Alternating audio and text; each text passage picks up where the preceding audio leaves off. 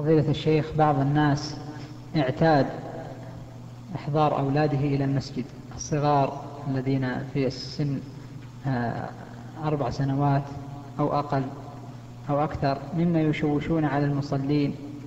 فما هو الضابط في إحضار الأولاد إلى المسجد؟ الضابط المميز يحضر المسجد والصبيان يختلفون في التمييز. بعضهم يميز لخمس سنوات بعضهم لست وبعضهم لسبع والغالب لسبع. ولهذا أمر النبي عليه الصلاة والسلام أن نأمر أبناءنا بالصلاة لسبع. ثم مع ذلك لو أتى بالكبار الذين يبلغون السبع وحصل منهم تشويش يكلم ويقال إما أن تحفظ أولادك وإما أن تراقبهم أنت بنفسك.